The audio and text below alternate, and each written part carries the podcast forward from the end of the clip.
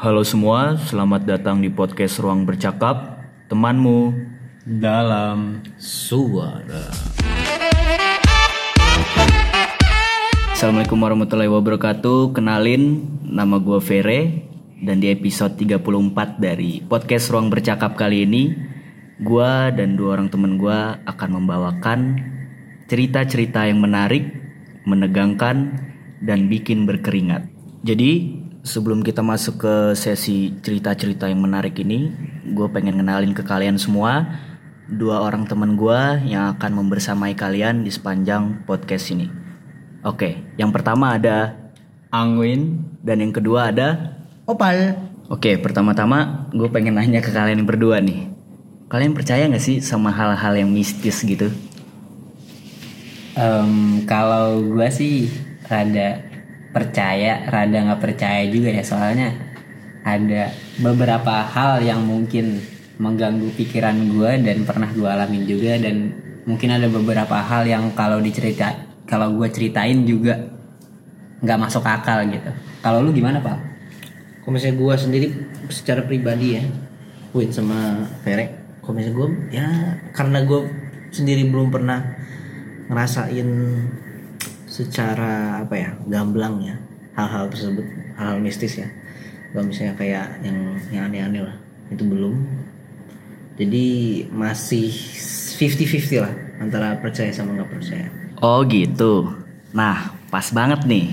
Di episode kali ini kita bakal ten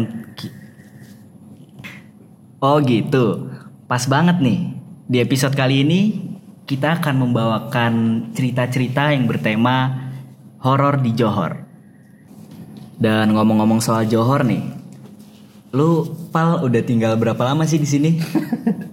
kalau gua gua gua masih baru tergolongnya gua kira-kira ini masih masuk dua setengah bulan lah gua baru sini gua baru di sini Mei Mei lalu gitu jadi masih baru-baru lah masih eksplor masih mau eksplor eksplor Johor dikit gitu jadi gitu kalau misalnya kalau nggak salah teman kita satu lagi nih yang yang salah satu yang paling lama ya Salah satu buyut di Johor nih.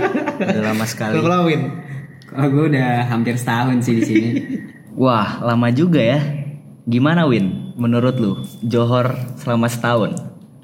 Menurut gue ya rasanya campur aduk sih karena ini pertama kalinya ngerantau di negara orang dan mau nggak mau lu harus bisa survive dan rasa kebebasan dengan lu rindu rumah tuh campur aduk jadi kadang lu bisa bebas kadang lu juga rindu rumah ya campur aduk lah pokoknya Nah, kalau Awin ini kan udah salah satu buyutnya lah ya.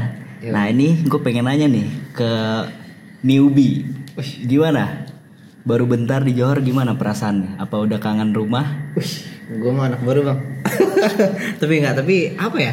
Gue kan tinggal di Batam ya. Jarak jaraknya cuma dua jam. Dua jam doang kan dari Johor. Jadi nggak nggak kerasa jauh-jauh dari rumah. Tapi alhamdulillah sejauh ini gue enjoy banget sih Johor. Karena bisa ketemu teman-teman terus juga apa ya suasana baru lah dibanding dengan Indonesia gitu. Dari budaya sama apa eh, apa pun yang Johor hadirkan gitu Tapi eh, emang awal-awalnya gue juga gitu sih pal. Awalnya gue ngerasa senang bisa deket sama temen-temen. Cuma lama kelamaan hidup di sini buntung juga. Karena kan jauh dari orang tua ya. Bahkan orang tua gue sekarang udah nyuruh gue pulang. oh, serius Saking mungkin mereka juga kangen kan sama gue. eh Beto Win kan lu yang paling lama kan ya di sini nah ada nggak sih hal yang paling lu suka dari Johor nih Hal yang paling gue suka ya. Mungkin di sini bisa banyak main sama temen aja sih itu hal yang jarang gue dapetin di rumah dan di sini gue dapet banget gitu. Gitu sih Pal. Kalau lo sendiri dalam dua bulan ini udah ada belum hal yang mungkin udah lo sukain dari Johor ini? gua rasa banyak sih alhamdulillah lu dalam dalam jangka dua bulan ini salah satu yang paling gua su- suka tuh makanannya kuliner di sini. Wah kacau banget. Itu tuh satu roti bom. Beh sedap gilir Wah, roti bom ya Pal. Kalau itu sih gue juga setuju. Itu lumayan enak lah. sedap.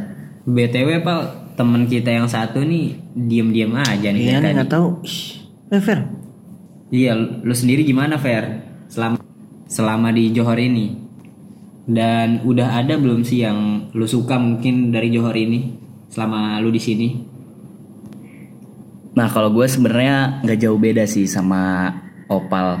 Gue masih newbie di sini, jadi baru kisaran dua bulan lah gue di sini. Dan yang untuk hal yang gue sukain itu gue suka banget sama Maggie goreng. nah kalau gue sebenarnya tuh nggak jauh beda sama Opal. Gue masih newbie di sini. Jadi gue eh, kisaran tuh baru dua bulan lah di sini. Dan kalau ditanya apa yang gue suka dari Johor nih, ada makanan gitu. Dia beda dari Indonesia. Nah kalau di Indonesia kan kita biasanya pergi ke warteg, warmindo gitu kan. Kita pesan indomie goreng gitu. Nah kalau di Johor nih beda banget. Gue jadi biasanya gue pergi ke kedai mamak amat buat pesen. Nah menu ini bener-bener enak banget. Gue ketagihan dan kalau dari tempat tinggal gue ke kedai makanan ini gue rela jalan kaki demi pesen Maggi goreng telur mata ini. Begitu. Aduh malah jadi ngomongin makanan nih. Eh, Maaf ya guys. Oke, jadi kita langsung back to the topic. Ngomong-ngomong, gue pengen nanya nih. Kalian pernah gak sih selama di Johor ngelihat sesuatu atau ngalamin sesuatu yang mistis gitu?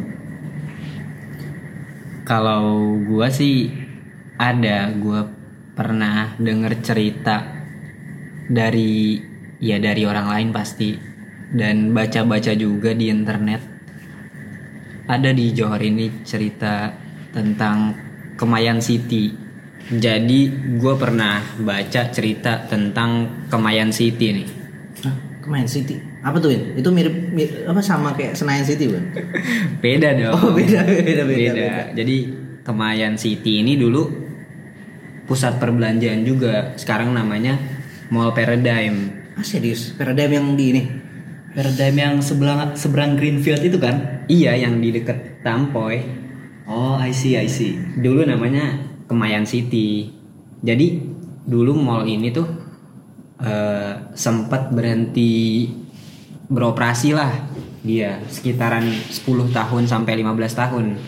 Pokoknya di tahun 98 itu dia berhenti operasi, berhenti total gitu dan di 2014 2015 ada satu keluarga keluarga Singapura dia habis datang ke acara nikahan sepupunya saudaranya gitulah Di Johor. di Melaka acaranya. Dan mereka pulang dari Melaka tuh malam. Pulang kan pasti lewat Johor ya kalau mau ke Singapura. Mereka bawa mobil. Dan pas mereka lewat Kemayan City ini sekeluarga mereka lihat. Kayak grand opening si Kemayan City ini. Banyak lampu-lampu banyak orang jualan di depannya. megah pokoknya. Pria. Mereka pun mikir kayak wah orang Johor keren banget nih semangat banget ngebuka Kemayan City sampai malam-malam gini pun masih buka masih banyak orang gitu. Akhirnya mereka masuk. Mereka belanja. Kayak ya mereka belanja aja lah di situ. Dan karena mereka mungkin nggak mau pulang kemalaman ya ke Singapurnya. Dan mereka pulang Eh, sebelum pulang itu mereka sempat mampir dulu ke rumah saudara yang di sekitaran Johor. Dan pas dia nyampe rumah saudara ini mereka cerita tadi Kemayan City buka terus mereka mampir mereka cerita juga mereka mampir dan ternyata saudara mereka yang di Johor ini bilang Kemayan City itu udah tutup dari lama dan salah satu keluarga yang dari Singapura ini dia excited banget bilang kayak enggak kok kita beneran lihat orang di sana dan kita belanja sini ikut ke mobil Di gitu mall itu. iya di di Kemayan City ini dan pas dia sampai mobil mau nunjukin barang belanjaannya dia buka bagasinya dan ternyata isinya tuh cuma daun-daun kering sama ranting gitu Kacau. emang serem banget sih itu menurut gue Kacau. Jadi mereka sebenarnya tuh nggak sadar kalau misalnya si mall tuh emang beneran terbengkalai gitu. iya mereka tuh kayak ngelihatnya mall ini tuh rame Padahal enggak. padahal emang kosong. Emang kosong. Dan mereka bilang di situ yang mereka lihat itu ada tulisannya grand opening Kemayan City. Itu yang menurut gue serem sih. Dan mereka ada nggak cerita secara spesifik gimana orang-orang yang mereka lihat di sana selama grand opening itu? kalau dari yang gue baca sih ya mereka nggak jelasin gimana spesifik orang spesifiknya orang-orang yang mereka temuin di sana gitu. Jadi hanya sebatas itu aja. Tapi cerita Kemayan City ini nggak sampai situ aja. Ada lagi cerita lain. Jadi ada perempuan gitu pulang entah dia pulang kantor atau emang lagi mau ke Johor gue kurang tahu. Pokoknya dia nyampe Johor tuh malam. Pas banget dia keluar tol lewat jalan raya yang deket Tampoy itu dia lihat sama kejadiannya sama kayak orang Singapura itu dia lihat grand opening Kemayan City. Karena dia pendatang dan dia tuh mungkin excited ya lihat jam-jam setengah 12 gitu dia lihat ma- mall masih buka dan mungkin dia mau makan dulu gitu kan. Jadi dia masuk ke situ. Dia masuk habis itu sekitar jam 3 pagi kakaknya nelpon. Kakaknya nih tinggal di Johor kok kamu belum nyampe nyampe rumah gitu? Katanya mau ke sini dan dia bilang ke kakaknya sebentar lagi belanja di Kemayan City. Dan di situ kakaknya langsung marah-marah kayak nyuruh cepet lu pulang sini. Langsung balik. Iya, disuruh balik cepet-cepet gitu. Dan dia cuma ya biasa mungkin anak muda gitu kan kayak iya iya sabar ya lah mungkin kayak gitu.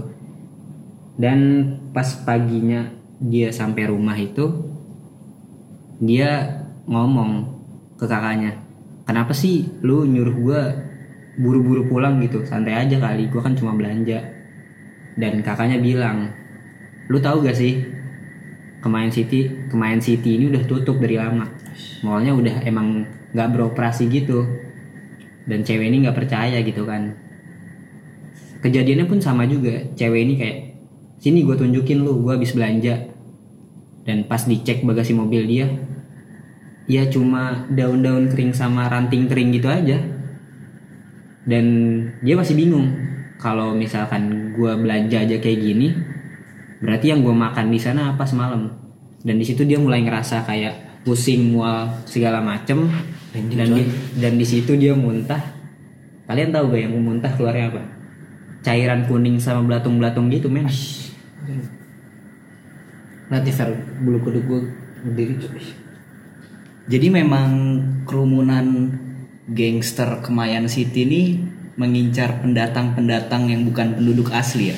iya mungkin kayak orang-orang yang datang yang nggak tahu Kemayan City ini nggak beroperasi jadi kalau misalkan dikelabuin gitu kan mungkin jadi pada tertarik datang gitu kan mungkin gue juga kalau misalkan kayak gitu gue juga bakal datang kayaknya gue juga kayaknya mungkin datang gue mau beli roti bang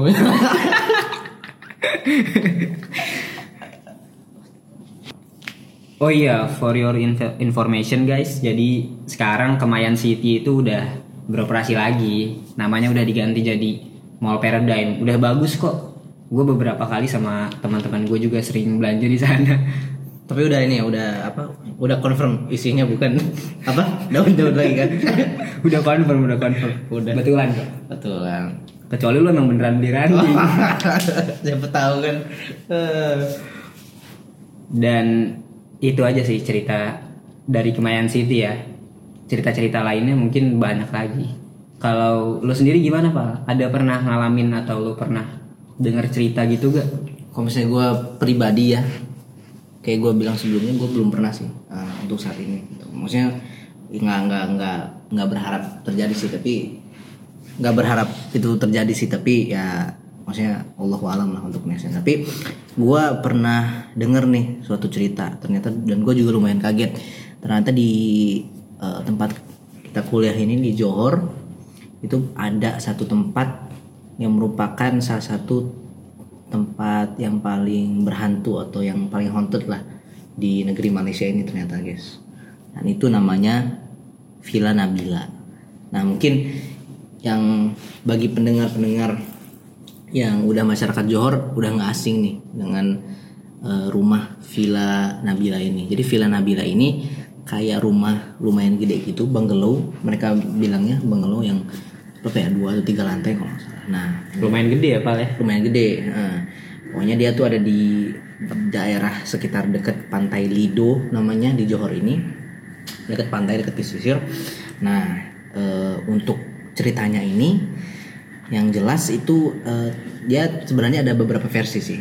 Nah, paling gua eh, apa kasih tau lah ya beberapa versinya supaya eh, soalnya kan ada banyak-banyak sumber gini dan gua pengen teman-teman tahu semua gitu. Nah, untuk versi eh, pertamanya Oh enggak, eh, sebelumnya yang jelas ini tuh berhubungan dengan suatu anak namanya Nabila gitu. Nah, untuk versi pertama jadi katanya konon jadi di villa Nabila ini ada suatu satu keluarga yang kaya yang hidup dengan tentram, bahagia dan aman lah.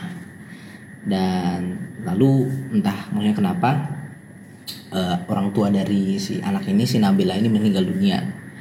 Terus tinggal sendiri kan sama ini sama mungkin pegawai pegawainya karena itu memang eh, anak yang apa di keluarga yang kaya raya gitu. Jadi semua harta warisan dari bapak ibunya di- diwarisin ke si Nabila. Nah karena banyak harta itu nah pegawai pegawainya orang rumah ini di si Nabila ini pada mungkin apa eh, apa ya iri atau mungkin apa ya nggak pengen lah sebagian dari harta yang diberikan ke Nabila. Soalnya kan dia cuman kayak anak anak kecil. anak anak anak anak kecil anak kecil gitu sendiri kan. Nah naasnya malah si pegawai rumahnya itu nge membu- membunuh si Nabila itu. Nah yang apa ya yang apa ya yang lebih creepy lagi mayat si Nabila ini di semen di area si rumahnya itu. Serius coy. Ini gua ini gua lihat dari versi yang ini katanya ya, si, si di semen. Dikubur di semen di dalam rumah tersebut. Jadi bentar Pak, gue pengen nanya nih. Ini kondisinya si villa atau bangunannya ini udah jadi, terus dia di semen atau sedang proses pembangunan, terus dia di semen, kemudian berdirilah bangunan itu. Nah, ini sebenarnya sih rumah rumah biasa, rumah rumah rumah yang udah ditempatin, tapi kan karena orang tua yang meninggal, terus eh, apa eh, si pegawai rumahnya si Nabila ini pengen nyari cara kan buat cara nyembunyiin bukti kalau misalnya mereka udah ngebunuh si Nabila ini. Nah caranya ya disembunyiin, mungkin dikubur atau misalnya di apa, terus disemen di salah satu eh, bagian di rumah itu. Nah habis itu pegawainya pergi, terus ya udah ditinggal selama puluhan tahun lah, sekitar 30-40 tahun. Soalnya ini kejadiannya terjadi cukup lama dan ya itu jadi karena sudah ditinggal puluhan tahun orang banyak yang lihat wah ini banggalonya eh, terbengkalai. Dan banyak tuh yang masuk dan coba uji nyali dan ya banyak kejadian-kejadian yang aneh dan mistis lah orang yang sebut gitu Lumayan serem sih. Kalau refer ke versi pertama ini ada gak sih orang yang nyoba nyari Nabila gitu? Nah banyak kan yang kayak yang kayak gue bilang apa namanya orang yang banyak uji yang uji nyali nih mau coba soalnya itu katanya banyak orang lihat yang sosok si Nabila ini ber, bergentayangan di sekitar rumah terus juga suka manggil-manggil nama nah dan yang paling eh, apa ya kayak pokoknya yang salah satu kejadian yang biasa suka muncul itu kadang orang eh, misalnya grup satu grup nih orang pengen masuk rumahnya. Nah mereka itu masuknya ganjil misalnya tiga orang. Nah pas keluar itu malah jadi genap. Empat padahal yang yang masuk tiga orang tapi Keluarnya jadi empat gitu. eh, eh, Jadi pasti nambah satu bukan berkurang. nambah satu dan apa yang yang yang kacaunya tuh yang satu tuh nggak nggak tahu siapa Dan mereka nggak ada yang kenal tuh. nggak nggak ada yang- nggak ada yang kenal Gak ada yang kenal atau mereka nganggap itu wah ada si ini teman mereka gitu. Nah itu mungkin jadi jadi jadi apa ya? Jadi mungkin kayak ada ngacauin pikiran mereka lah entah mereka kira itu temen atau enggak ya bener-bener eh ini siapa perasaan kita cuma tiga orang gitu. Nah itu salah satu apa kayak kejadian yang orang alami gitu. Gitu sih untuk yang di apa, Villa Nabila ini gitu. Yang jadi pertanyaan sih kenapa masih ada orang yang mau uji nyali? Udah tahu tempatnya serem ya. Kalau gue sih nggak bakal mau ya. Gue takut. Lu gimana Fer? Kalau gue sendiri sih sebenarnya juga ogah. Cuma gimana ya? Sebenarnya seru aja gitu ngelihat orang uji nyali gitu. Apalagi kan sekarang banyak di live live TikTok gitu. Dan itu gue tontonin tuh sampai akhir. Walaupun gue tahu padahal setannya tuh antara dibuat-buat atau nggak muncul sama sekali. Tapi ya gue tontonin aja sampai akhir. ya biasa lah ya mungkin orang penasaran kan jadi pada uji nyali gitu terlepas dari yang kayak lu lihat di live live itu asli atau palsunya nggak tahu ya. Dan gue ada satu lagi cerita di kampus kita tercinta nih. Yoi. Di salah satu makmalnya. Makmal itu lab. lab btw laboratorium. Iya. Itu bahasa Melayu ya makmal. Iya dari bahasa Arab tapi. Oh iya?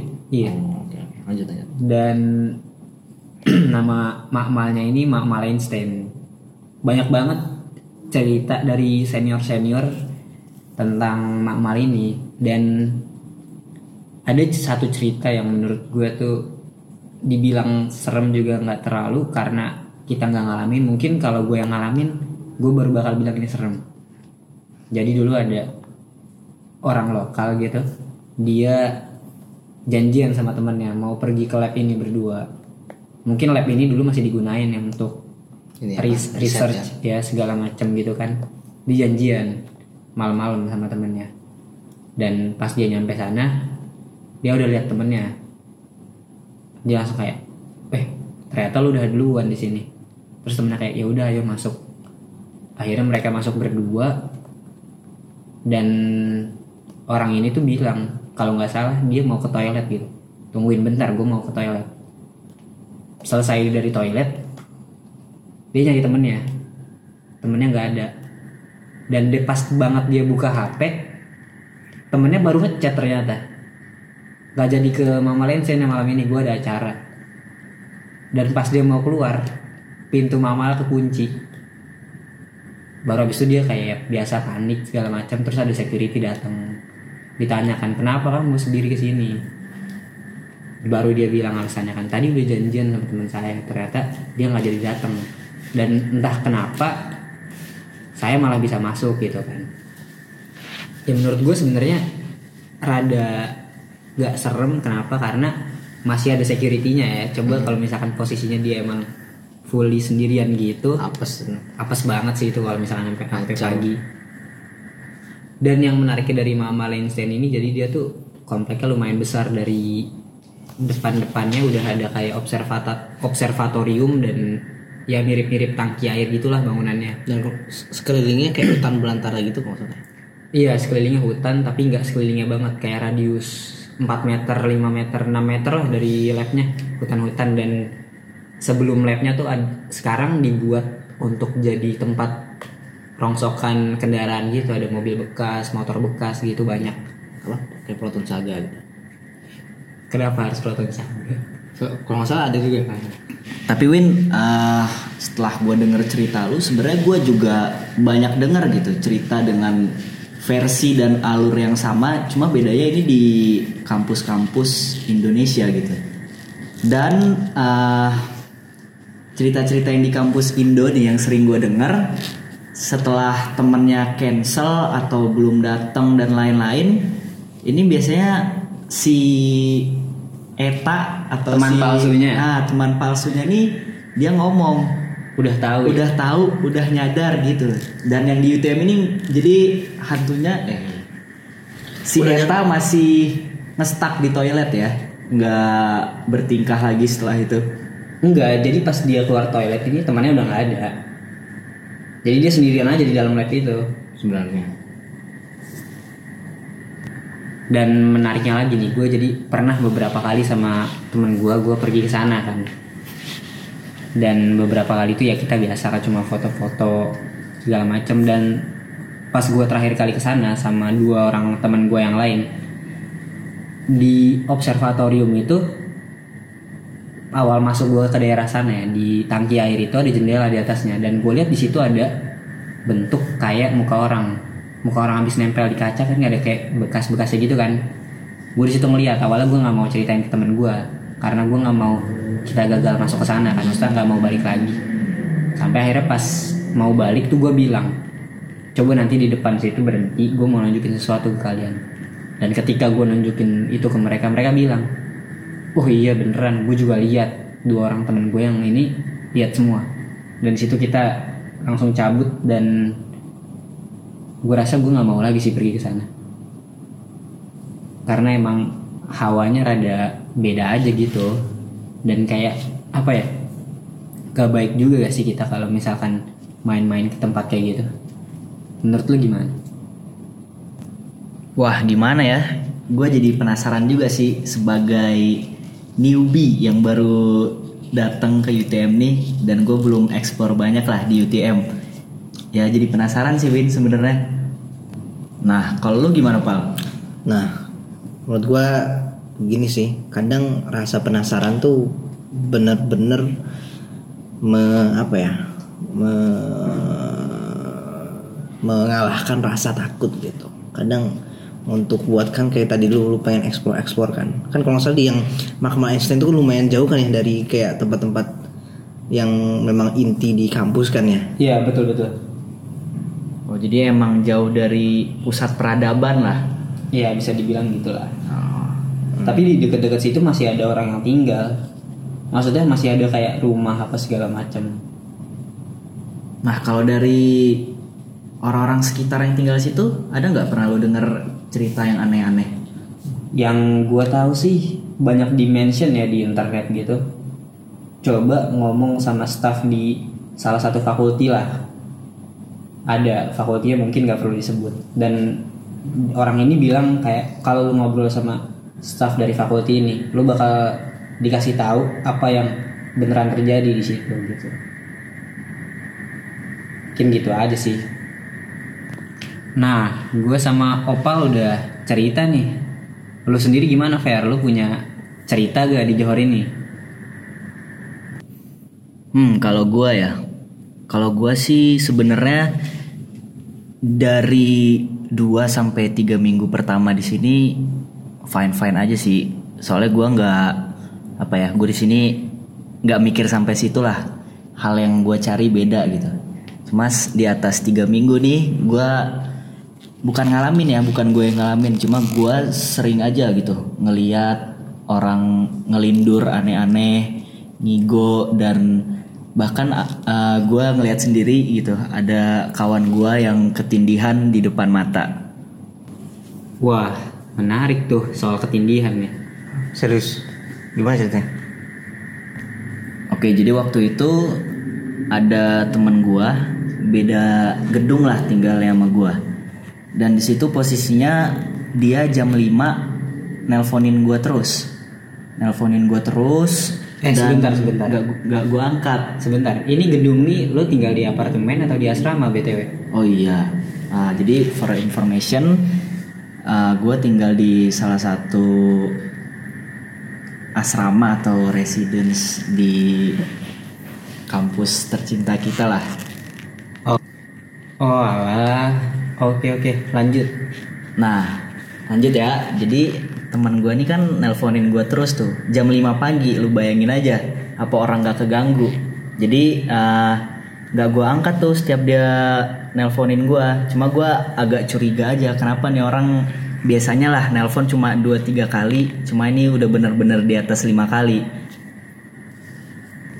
Dan akhirnya gue tetap kekeh buat nggak angkat dan gue memutuskan untuk ketemu kawan gue inilah di esok hari. Dan usut punya usut ternyata oh ternyata teman gue nih jam 5 enggak deh jam setengah limaan lah. Dia tuh ketindihan. Dia ketindihan dan ternyata juga dia nggak cuma nelponin gue dia nelponin banyak orang teman-teman gue yang udah ada di Malaysia ini buat nyamperin dia atau temenin dia lah di kamar. Setelah dengar cerita ketindihan dia itu gue sebenarnya percaya nggak percaya. Sampai uh, sekitar dua minggu yang lalu mungkin gue ngeliat sendiri di depan mata teman gue yang ketindihan plus ngelindur kayak bukan diri dia sendiri gitu. Eh, bentar-bentar. Berarti lu ini pernah ngeliat gitu orang ketindihan secara langsung. Bener banget. Jadi gua kan emang gimana ya sampai di Johor nih bisa dibilang jam tidur gua rusak lah. Nah di jam-jam segitu jam Jam berapa emang? jam 4 ke atas lah itu gue sebenarnya masih melek tuh masih main HP.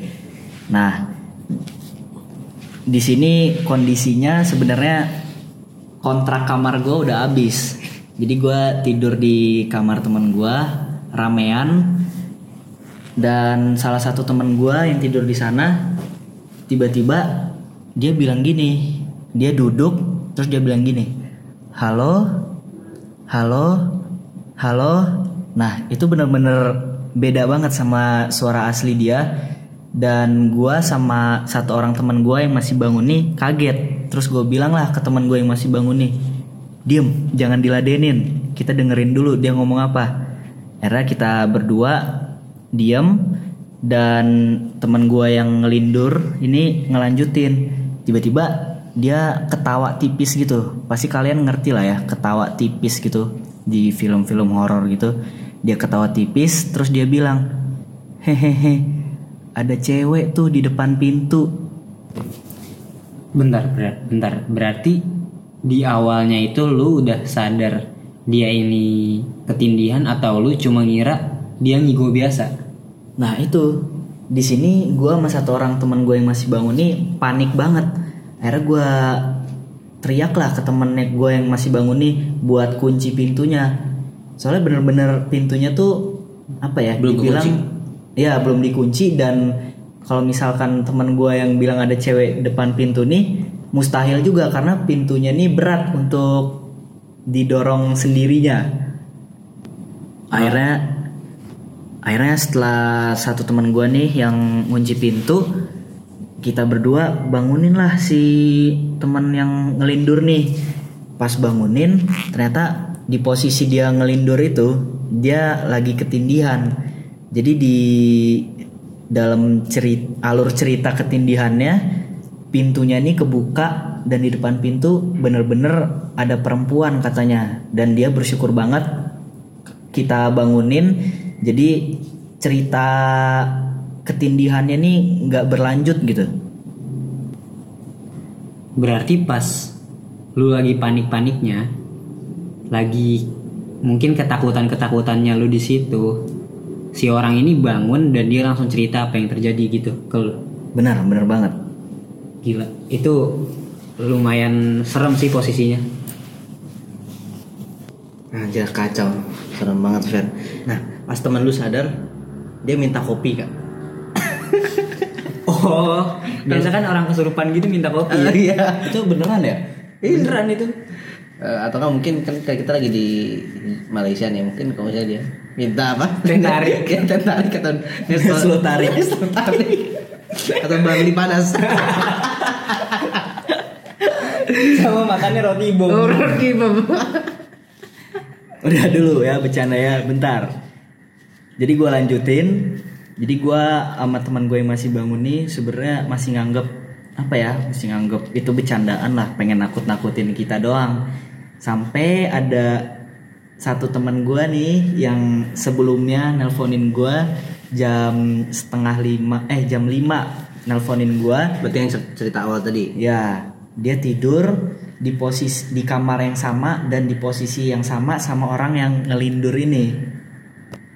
Eh, wait, wait, wait. Berarti orang yang tadi ketindihan terus nelponin lu, sekarang dia ngalamin hal yang sama sama orang yang ngelindur itu. Kayak gitu bukan? Iya, sama persis dan dan di di situ jadi jadi titik di mana gue sadar ini nggak main-main. kalau sat, kalau satu orang masih bisa dianggap bercanda lah. Kalau udah dua tiga orang itu uh, curiga kalau ini beneran. Oh ini cerita yang waktu itu lo ceritain ke gue bukan sih? Nah iya itu bener Win.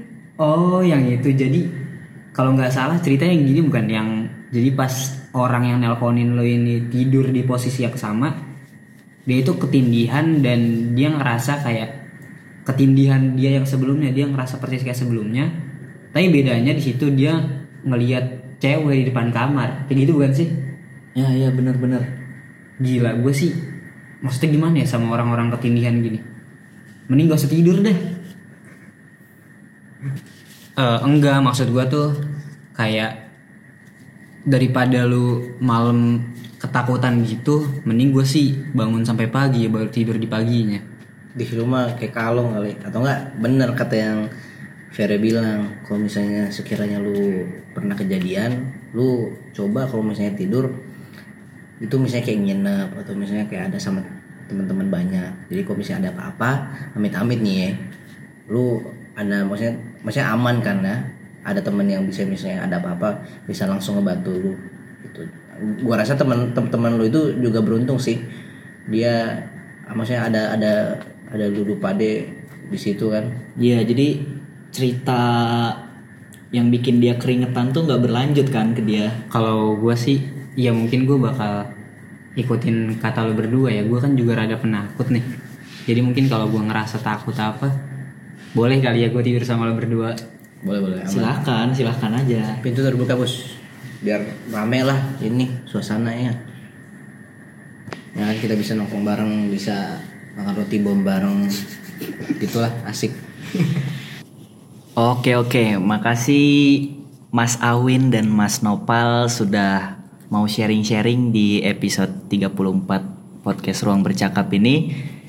Dan karena sudah terlalu larut dan mungkin kalian juga udah capek ya dengerinnya. Jadi mungkin sampai di sini aja. Dan gue mau tahu nih cerita-cerita gue dan dua orang temen gue ini udah bikin kalian merinding, keringetan, atau sampai nangis nih.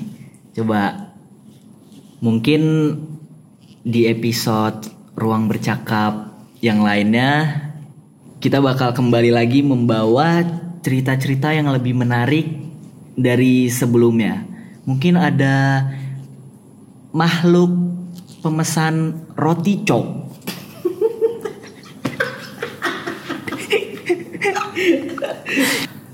atau enggak ini nih atau enggak eh, apa sih driver food panda bernyawa sembilan kayak kucing